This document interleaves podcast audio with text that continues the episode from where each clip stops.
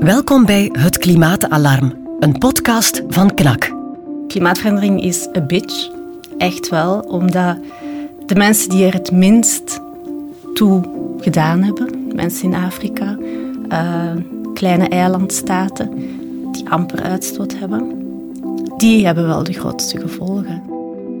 Dit is Tine Hens, historicus, auteur en freelance journaliste. Ze schreef voor De Standaard, Humo en Knak en verdiepte zich de laatste jaren voor Mo-magazine in de problematiek van klimaatverandering. Al die tijd negeerde ze de klimaatseptici, tot ze na een gesprek in het Canvas-programma De Afspraak net iets te veel haatreacties over zich heen kreeg. Nu schrijft ze aan een boek waarin ze klimaattwijfelaars van weerwoord dient, aan de hand van tien veelgehoorde stellingen. En dus de titel van het boek ehm, is Het is allemaal de schuld van de Chinezen.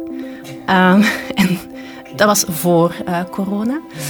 Maar we houden hem toch wel. Is klimaatverandering van alle tijden, zoals Jean-Marie de Dekker beweert? We zijn gewoon met te veel mensen op aarde. En België is maar een klein landje. Wij kunnen daar toch niets aan doen? Waarom kloppen die argumenten niet? Het boek van Tine Hens verschijnt pas in november, maar voor het klimaatalarm van KNAK wil ze nu al een inkijk geven in een aantal van haar bevindingen.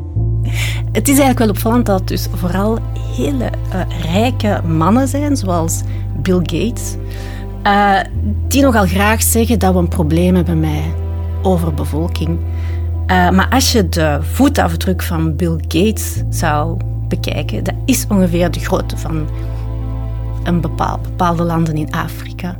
Uh, dus 10% van de rijkste mensen ter wereld is verantwoordelijk voor 50% van de CO2-uitstoot.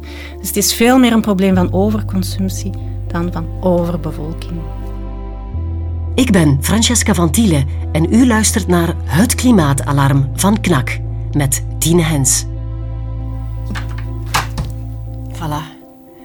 Het kot is voor ons. Ja. Na zo lang gehoord hebben dat we in ons kot moeten blijven, zitten we hier.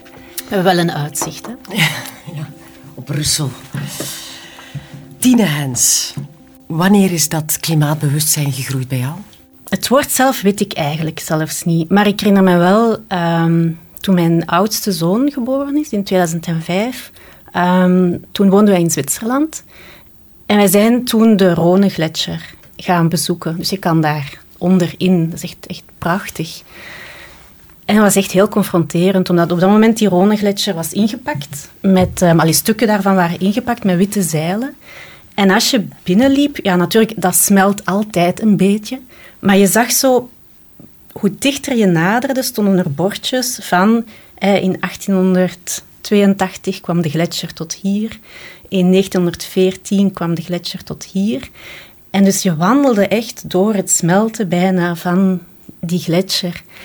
En dat is echt wel een ervaring geweest waar je zegt van ja, hier zie je het gewoon. En dan, omdat wij heel vaak in de bergen zaten, um, ja, begon je ook dat landschap te lezen en begon je ook echt te zien van oké, dit is gewoon...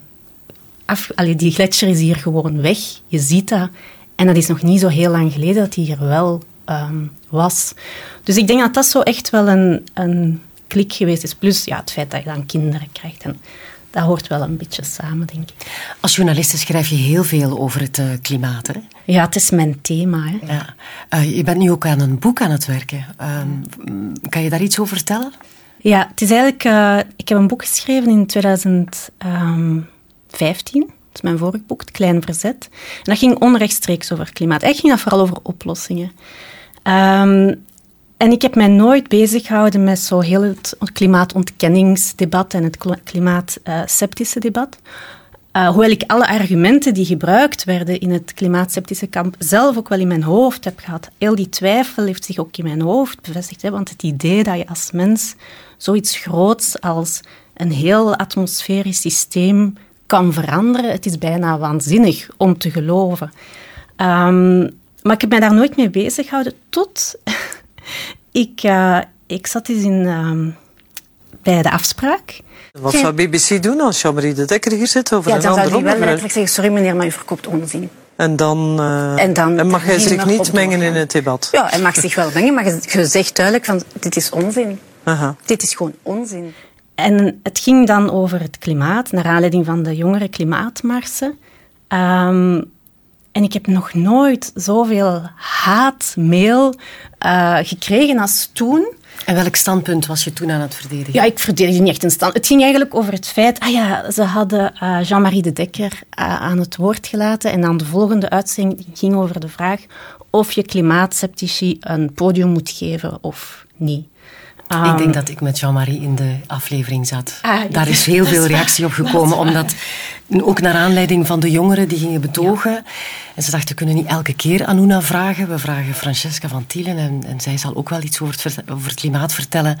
Ja, maar Jean-Marie, op en af. denkt u nu dat het een, een menselijke correlatie is met klimaatopwarming? Ik denk aan de ene kant zeg je, het is, we weten het niet. Aan de andere kant zeg je, het is Ik denk dat de menselijke correlatie niet doorslaggevend is. En Jean-Marie zat daar voor een ander thema en die zei iets waar we het zo dadelijk over gaan hebben. Klimaat is toch iets van alle tijden. Er zijn altijd ijstijden geweest. Maar daar gaan we zo dadelijk uh, Wat ook niet waar is, hè? maar kom. maar, maar, maak misschien je verhaal af. Dus je zat in de afspraak, je kreeg heel veel haatmail. Ja, echt heel veel haatmail. Um, en effectief, ja, dus heel dat klimaattwijfel, sceptische kamp kwam dan boven. En iets wat mij daarnaast ook zorgen, zorgen baarde was als ik op scholen ging vertellen over klimaatverandering, dat je ook wel merkte dat jongeren heel erg bezig zijn met het thema, maar tegelijkertijd dat er heel veel verwarring is. En het punt is ook, als je op, op internet gaat zoeken en je geeft op Google uh, twee zoektermen in, is climate change, dan vult Google bijna zelf aan real, vraagteken. Um, dus, en de informatie op internet, ik moet dat niet uitleggen, die, of dat dan nu wetenschappelijk onderbouwd is of niet, dat staat op hetzelfde niveau. Dus het is echt zo een, een zwembad van feiten, meningen, argumenten. Um, en ik heb eigenlijk gewoon de tien meest voorkomende argumenten waardoor dat we toch wat twijfelen of het zo belangrijk is, of dat we zo snel moeten veranderen, of dat er toch echt iets moet gebeuren, om die op te lijsten. En dan met wetenschappers te gaan praten van kijk, um, wat is er aan van dat argument? Klopt daar iets van? Klopt daar niets van? Um, hoe kan je dat weerleggen en wat is eigenlijk de wetenschappelijke kennis um, er rond? En dus de titel van het boek um, is: Het is allemaal de schuld van de Chinezen. en Dat was voor uh, corona. Ja. Maar we houden hem toch wel. Ah, toch wel, beslist. Ja. Want het is nog in de maak hè, bij de opname van ja. deze podcast. Maar het gros van het boek is al geschreven, Tine. Dus uh, we gaan een aantal van die stellingen die jij uh, bespreekt in je boek, um, ja, daar mag jij wat meer uitleg over geven. Laten we beginnen met uh, de stelling die Jean-Marie de Dekker ook publiekelijk verkondigt. Uh, namelijk dat klimaatverandering iets van alle tijden is. Er waren ijstijden, er zal wel weer een nieuwe komen. En die zorgt ervoor dat de planeet weer zal afkoelen. Dus we moeten ons niet te veel zorgen maken over die opwarming van 1, 2, 3, 4 graden, zeg maar. Dat zijn al drie argumenten in één, hè? Voilà. um, Wat zijn jouw bevindingen? Mijn bevinding, ja, nee, ik, ik, dat is niet mijn bevinding. Hè. Dat is echt gewoon wat, uh, Van wat wetenschappers daarover Vertaal het wat de experts zeggen. Um, ja, natuurlijk is het klimaat altijd veranderd. Dat is ook niet um, het punt waar het hier over gaat. En wat wel interessant is, is dat we dat natuurlijk weten omdat uh, daar onderzoek naar gebeurd is. er zijn uh, wetenschappers die in Antarctica en Groenland diep in het ijs gaan boren zijn, daar boorkernen zijn gaan bovenhalen en dan kunnen analyseren, want de lucht wordt eigenlijk gevangen. Hè. Dat zijn echt zo musea uh, van het klimaat. En dan gaan ze ver terug in de tijd. IJs, ja, ik denk dat de diepste is ondertussen 800.000 jaar. Ja. Daar is, eigenlijk, daar is eigenlijk de meest bekende grafiek en op wat vertelt dat ijs dan van 800.000 jaar Dat is de atmosfeer van 800.000 jaar geleden. Zit daar in een heel dun laagje in. En dan kunnen ze eigenlijk analyseren van oké, okay, wat, wat, was het klimaat op dat moment? En daaruit leiden ze effectief af van, ah ja, het klimaat is al vaker veranderd. Dat klopt. Maar eigenlijk doet dat er niet toe, want wat wel interessant is, is dat de mensen die dat argument gebruiken, aanvaarden dus de wetenschap van de klimaatwetenschappers, die zeggen het klimaat is altijd veranderd. Maar de gevolgtrekking, die willen ze dan niet aanvaarden. Namelijk, de gevolgtrekking is dat ze ook geanalyseerd hebben wat eigenlijk de mechanismen zijn van die klimaatverandering.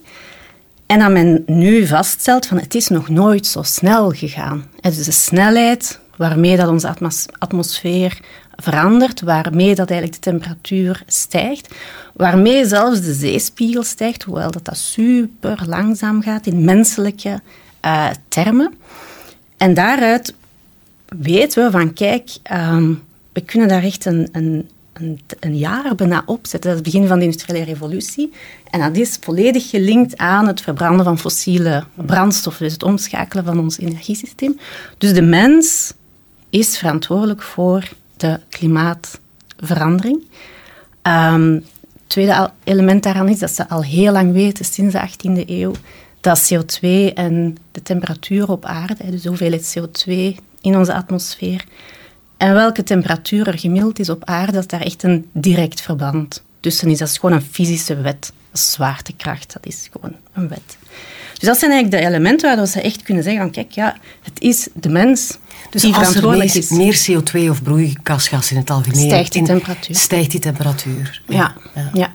En dus in het verleden is dat ook... Want dan zeggen ze, ja, maar er waren geen mensen in het verleden. Hè? En dat is natuurlijk in het verleden is dat vulkaanuitbarstingen of ook de zonnestand of al die zaken. En het punt is dan natuurlijk die wetenschappers al die elementen ook afgetoetst hebben van, ah ja, maar is het misschien zonneactiviteit?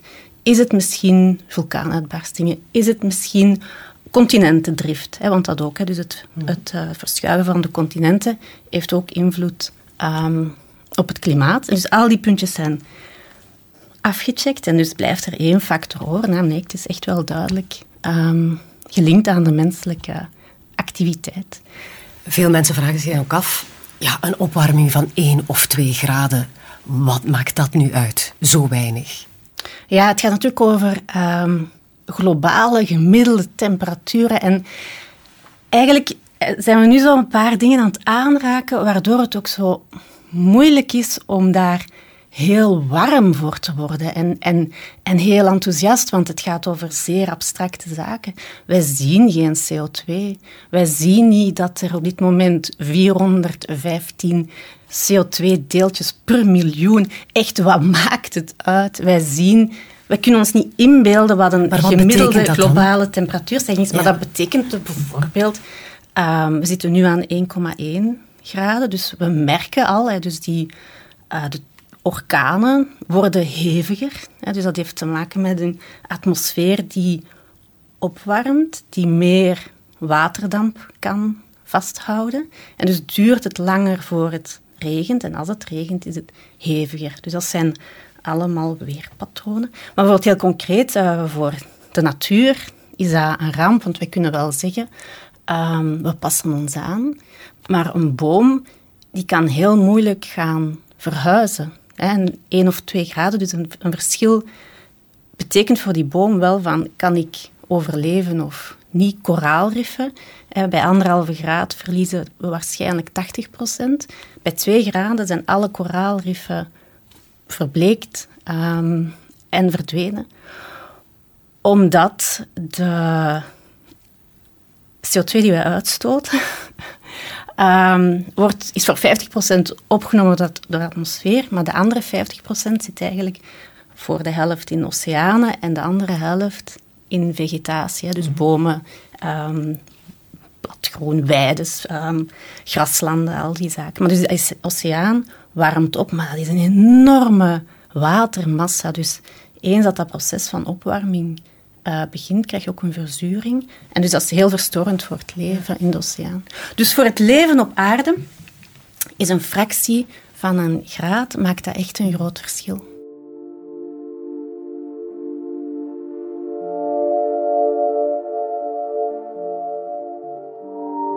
Je sprak over de oceanen, Tine, dat die uh, heel veel van de CO2 die in de atmosfeer is, dat die die absorberen. Kan het ook zijn dat uh, de oceanen die terug loslaten en terug... Ja, maar dat, duurt... Dat duurt um, omdat het is een gigantische... Zo'n gigantische massa water. Hm. Um, dus wat eigenlijk gebeurt is CO2 in water, dat is verzuring, dat is koolzuurgas. Dus je krijgt eigenlijk gewoon een verzuring um, van die oceanen. Dat is de reactie die je krijgt. En dat heeft dan effect op kalkvorming van zeedieren. Mm. Ehm, en plus ja, hogere temperaturen. Want bijvoorbeeld in het... Um, er is het laatste rapport over de oceanen en dat heet de cryosfeer. Dat is eigenlijk alles wat dat ijs is um, op aarde. Want dat is echt iets heel bijzonders. We hebben ijs op aarde. Dat is echt... Uh, iets, dat is iets anders. Maar kom. Um, de, dus er, er, zijn een soort van hittegolven in de oceanen, nu al. En ja, dat heeft natuurlijk effect op bijvoorbeeld uh, kelp. Kelp is een hele belangrijke plant. Je zegt het op een manier van niet veel mensen gaan dat weten. Het is ook waar. Wat is kelp? Ja, kelp zijn eigenlijk de wouden uh, in de oceaan. Ah, ja. Dus je hebt eigenlijk oceaanwouden. En dat zijn kelp. Ja, dat is van zeebodem. Dus als mensen Harry Potter gezien hebben, mm je hebt zo de aflevering dat ze tegen de zeemeerminnen moeten vechten. En dan komen ze in een kelpwoud. Ah, dat is kelp. Ah, dat is kelp. wordt ook zeep en zo van gemaakt. Dus uh, voilà, kelpwouden. Maar dus die verdwijnen. Terwijl dat, dat dus enerzijds heel belangrijke biotopen zijn, maar ook bescherming bieden tegen ehm, bijvoorbeeld uh, stijging van de zeespiegel enzovoort. Dus die natuurlijke weerstand die we hebben, mangroves, kelpwouden, die gaan gewoon, ja, die zijn we eigenlijk kapot aan het maken. Terwijl we die echt wel nodig hebben. Er zijn in het verleden al heel wat ijstijden geweest. Kunnen wij nu terug naar een afkoeling van de aarde gaan? Want dan moeten we misschien niet te veel doen voor die klimaatverandering. Ja, dat is net de interessante. Dat is echt een fantastisch interessante, fascinerende. Um, eigenlijk waren we op weg naar een ijstijd. Um, dus de eerste wetenschappers in de 19e eeuw die die vaststelling maken van eh, link CO2 met uh, temperatuurstijging, linkten dat ook al aan, ah ja, toen vooral steenkoolverbruik. Maar zij dachten, de mens is nooit in staat om zoveel steenkool te verbranden dat we echt de aarde gaan opwarmen. En eigenlijk mag het wel wat warmer worden, want volgens die cyclo, cyclis, cyclus sorry, zijn we op weg naar een ijstijd. En wat wij nu mee bezig zijn, is eigenlijk die ijstijd uitstellen. Dus we zijn eigenlijk uit die cyclus, die natuurlijke cyclus van um, ijstijd, opwarming, ijstijd, opwarming. Maar daar zit heel daar zijn veel we tijd tussen. Ja, dat is, het gaat over honderdduizenden jaren. Honderdduizenden jaren? Ja, honderdduizenden jaren.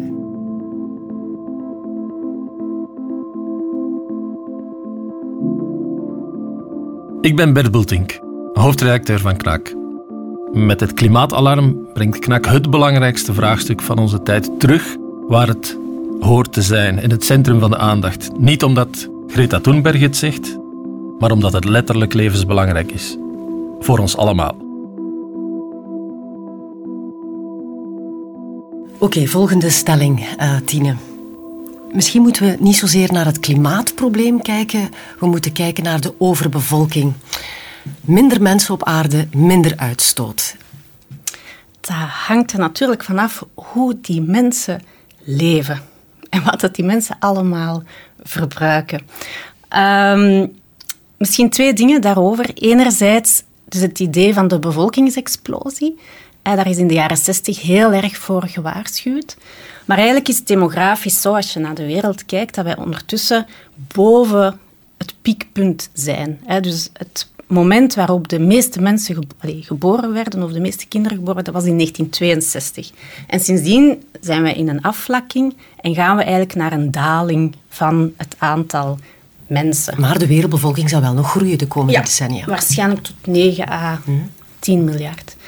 Ehm, maar het is niet op de plaatsen waar nu de meeste mensen geboren worden dat de grootste CO2-uitstoot zich situeert. Dan denk ik aan Afrika, Afrika waar de meeste kinderen worden geboren. Um, dus eigenlijk, om dit heel kort te maken, is niet overbevolking het probleem, maar overconsumptie. Dus overconsumptie is echt de aanjager van klimaatverandering.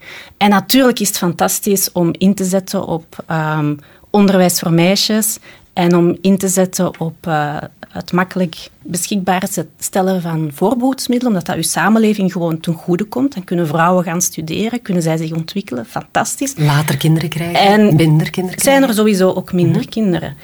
Maar als je zegt van we moeten aan overbevolking iets doen en dan gaat er iets aan het klimaat gebeuren, dat is wel een heel traag proces. Terwijl het sneller is om in te zetten op fossiel-arme energiesystemen dan te gaan wachten tot zo'n demografisch proces zich voltrokken heeft.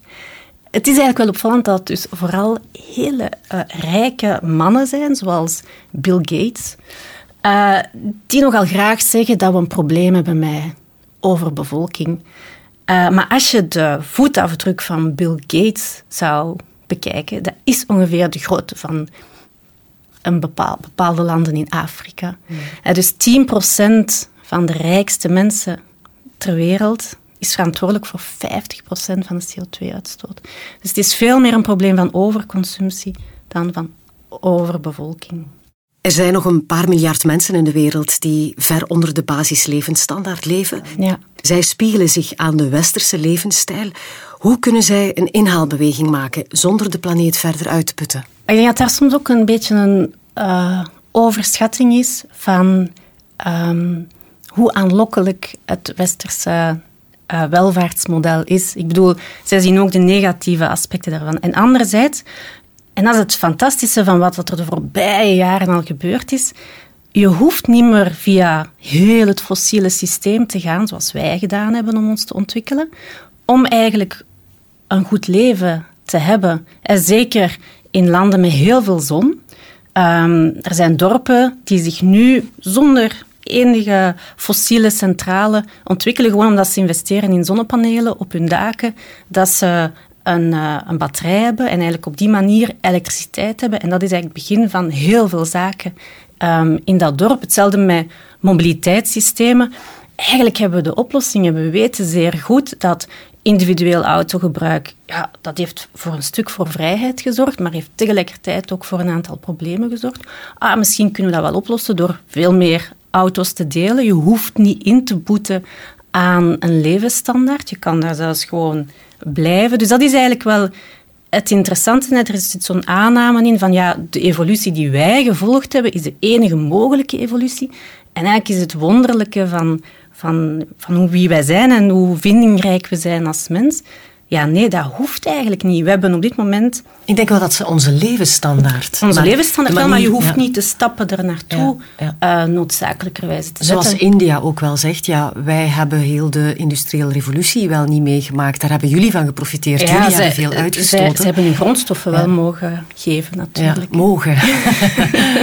nee, ik bedoel, dat is... En bijvoorbeeld India is een goed voorbeeld, omdat zij heel sterk inzetten, hebben ingezet op steenkool.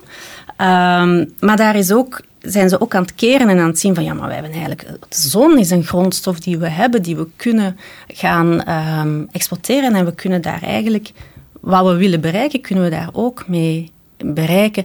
En als het dan gaat um, het is ook veel meer een, een, kwestie van kennis delen wereldwijd. Dus dat is echt een hele belangrijke. Heel veel mensen in, in bijvoorbeeld, ik had een gesprek met iemand uit, uit en zij zegt ook van, we hebben niet altijd jullie geld nodig, maar deel wel uw kennis. Zorg dat we hier toegang hebben tot de nodige technologieën om die sprong te maken. Um, ze noemen dat leapfrogging, hè, dat je dus een bepaalde evolutie overslaat en dat je niet heel die dingen moet gaan uitbouwen, maar dat je het op een andere manier ja, kan. Ik denk dan aan een land als India met uh, hoeveel? Miljard? Ja, al boven het miljard, ja. ja. Mensen, met heel veel mensen die nog... Uh, ja, ja, absoluut onder de armoedegrens. Maar als je dan, ja, dat brengt ons wel op een ander. Als je kijkt naar wat is het uh, globaal bruto product, ja, dat is wel heel groot. Dus daar kan nog wel wat verdeeld worden. Er wordt gesproken, Tine, over we mogen niet boven de anderhalve graad opwarming komen. Dat is ook afgesproken in het verdrag van Parijs. We zitten nu al aan 1,1. Globaal, ja. Globaal. Um, ja, ik begrijp dat mensen zeggen, maar het is te laat. Ja, het is nooit te laat natuurlijk. Hè. Um, er is geen uh, eindpunt of zo. Uh, het, het is natuurlijk hoe beter, hoe sneller we echt drastische maatregelen nemen, hoe minder we verliezen en hoe beter onze toekomst. Dat is eigenlijk de essentie. En het is eigenlijk heel mooi samengevat. Uh, er is in 2018 een rapport verschenen, effectief over die vraag. Hè, wat moet er gebeuren voor anderhalve graad? En wat is het verschil tussen een opwarming van 2 graden en anderhalve graad? Ten eerste bleek die halve graad verschil, dus om even terug te komen, echt al, dat is een wereld van verschil. Um, niet dat onze beschaving er gaat ten ondergaan, dat gaat pas bij 4 graden opwarming gebeuren. Maar natuurlijk, heel veel voedselsystemen komen onder druk te staan. Dus tussen die anderhalf en 2 is al een groot verschil. Maar tussen anderhalf en 2 zit nog 1,6, 1,7, 1,8.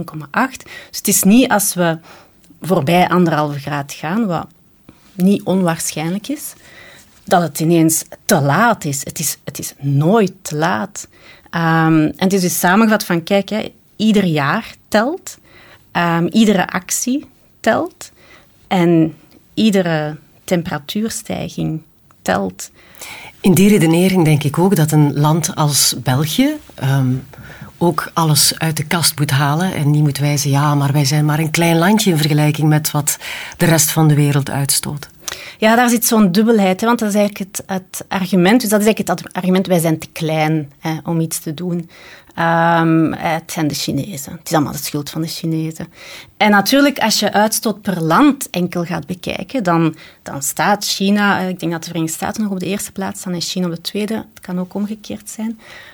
Um, dat is zo. Maar er zijn natuurlijk ook wel heel veel Chinezen. Dus als je al per inwoner gaat kijken, dan zakt China in die rangschikking en stijgt België al gigantisch. Op welke plaats staan wij? Ja, het is een beetje afhankelijk van, van wie dat uh, rangschikking maakt. Maar dat betekent natuurlijk niet dat je als land, zeker als België, kan gaan zeggen van we zijn maar heel klein, wat maakt het uit? Uh, een, een typische vergelijking die dan gemaakt wordt is van ja, maar als je, dan maakt toch niet uit dat ik mijn belastingen betaal. Of wat maakt het uit? Ik, ik smet hier één blikje op de weg. Wat maakt het uit? Wat maakt het allemaal uit?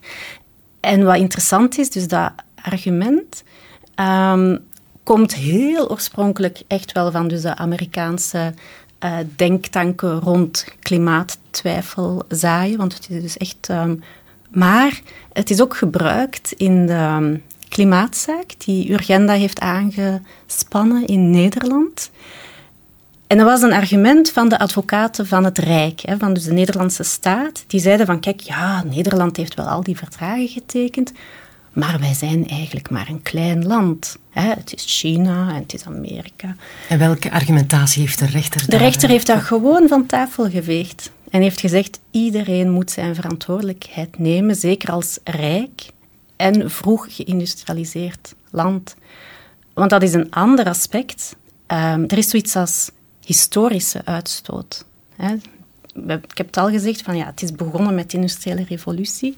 Groot-Brittannië is het eerste land um, dat zich geïndustrialiseerd heeft. België het tweede.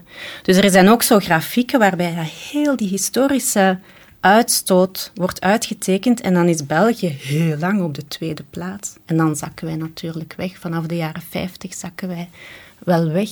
Maar dus dat zijn allemaal aspecten. Dus het, het is, iedereen moet zijn verantwoordelijkheid nemen. Punt waar je staat en volgens wat je kan. En zeker als rijk, geïndustrialiseerd land um, dat graag innovatief bezig is.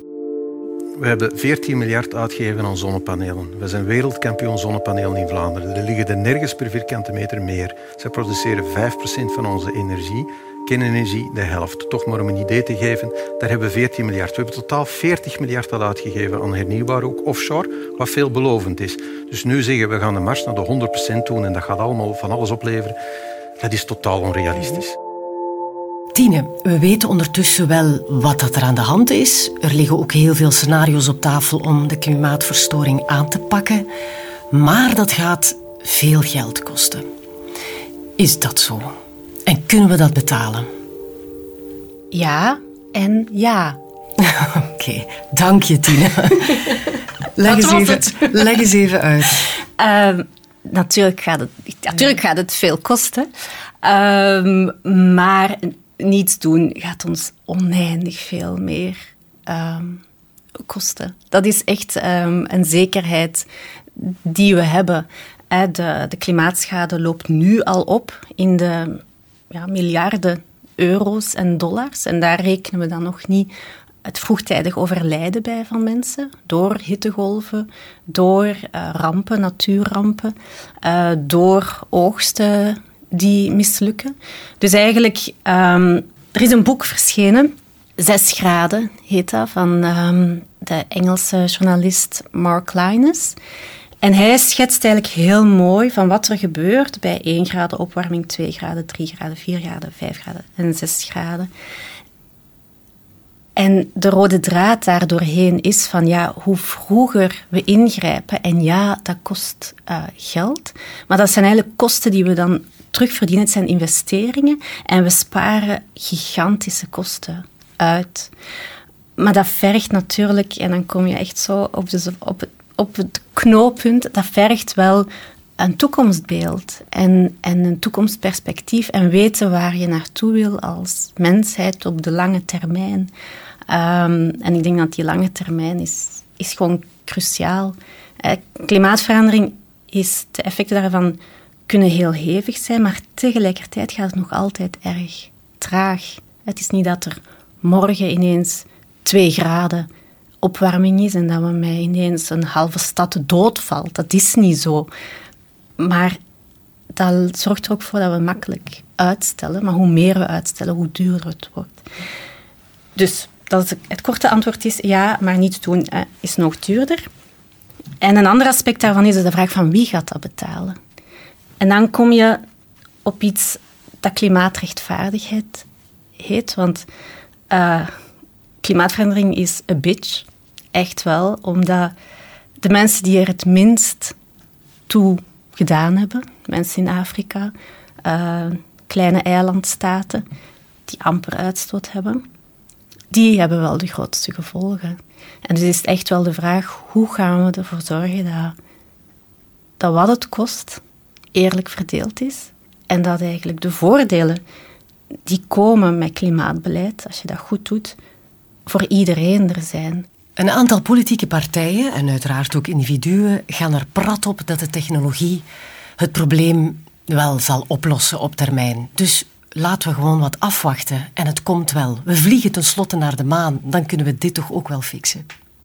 Dat, klopt. dat klopt. Hè. We vliegen naar de maan, dus kunnen we absoluut ook de klimaatverandering aanpakken. Hè. We kunnen daar een gigantisch maatschappelijk uh, project van maken, wat eigenlijk de maanlanding ook was. Hè.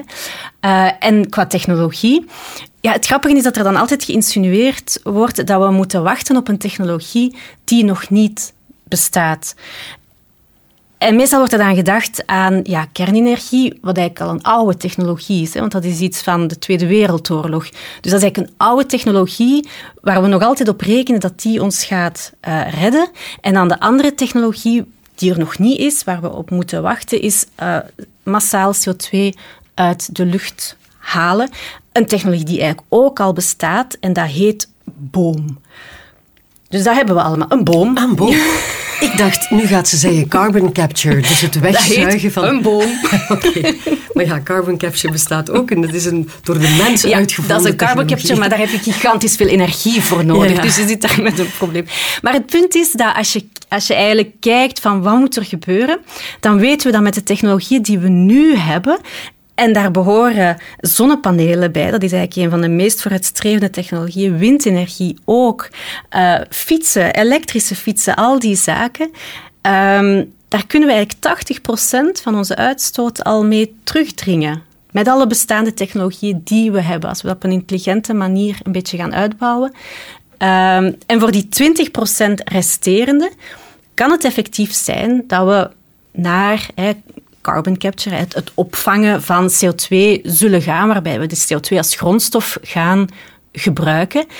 Maar het is wel een beetje idioot om te gaan wachten tot een bepaalde technologie ontwikkelt, terwijl je op dit moment eigenlijk al heel veel kan doen, waardoor je het voor de volgende generaties ook makkelijker maakt om daarop verder te gaan als wij nu niets doen, dan schuiven we echt de rekening door naar onze kinderen, maar letterlijk, want het zal alleen maar duurder worden. Dus tuurlijk hebben we technologie nodig, maar we hebben ook heel veel andere dingen nodig en niet alleen technologie. Kan het massaal aanplanten van bomen effectief onze CO2-uitstoot of de aanwezigheid van CO2 in onze atmosfeer aanzienlijk verminderen? Niet alleen. Je hebt altijd een combinatie um, nodig. Dus bomenplanten is een hele belangrijke. Maar als je echt zou uitrekenen wat hebben we nodig, dan moeten we een heel continent vol met bomen gaan planten. En dan verlies je land voor aan landbouw te doen. Dus dan kom je daar uh, in frictie. Maar het is wel zo dat uh, wat we met ons land doen, dus het landgebruik, het massaal betoneren van ons land, is heel nefast voor iedere klimaatmaatregel die je wil nemen. Maar bomen horen wel bij wat men noemt zo de um, nature-based solutions, de natuurgebaseerde oplossingen. Maar daar horen dan evengoed mangroves bij. Dus dat zijn eigenlijk natuurlijke zeeweringen. Daar horen evengoed um, weides bij. Dus eigenlijk uh, gewone weiden hebben ook een enorme potentie om koolstof vast te houden. Maar je kan dat ook integreren in heel je landbouw. Dus als je eigenlijk evolueert naar een soort um, koolstoflandbouw, dan zorg je ervoor dat eigenlijk je landbouw mee koolstof gaat opnemen en vasthoudt in de bodem. Maar dat is eigenlijk de natuurlijke koolstofcyclus. Wat wij gedaan hebben, is eigenlijk alle koolstof die in de bodem zit, van miljoenen en miljoenen jaren, eruit gehaald, opgestookt en die koolstof naar de atmosfeer um, verplaatst. Dus, dat zijn, dus bomen aanplanten is zeker zinvol, maar hoed u voor ministers die beweren dat klimaatbeleid bomen planten is. Want klimaatbeleid is in eerste instantie uitstoot verminderen. Oké, goed. Dit was de laatste aflevering van Het Klimaatalarm van KNAK. Laat ons weten wat u ervan vindt en geef ons een review. Zo zorgt u ermee voor dat deze podcast nog meer mensen zal bereiken en de milieu- en klimaatproblematiek terug de plek krijgt die het verdient, in het centrum van onze aandacht.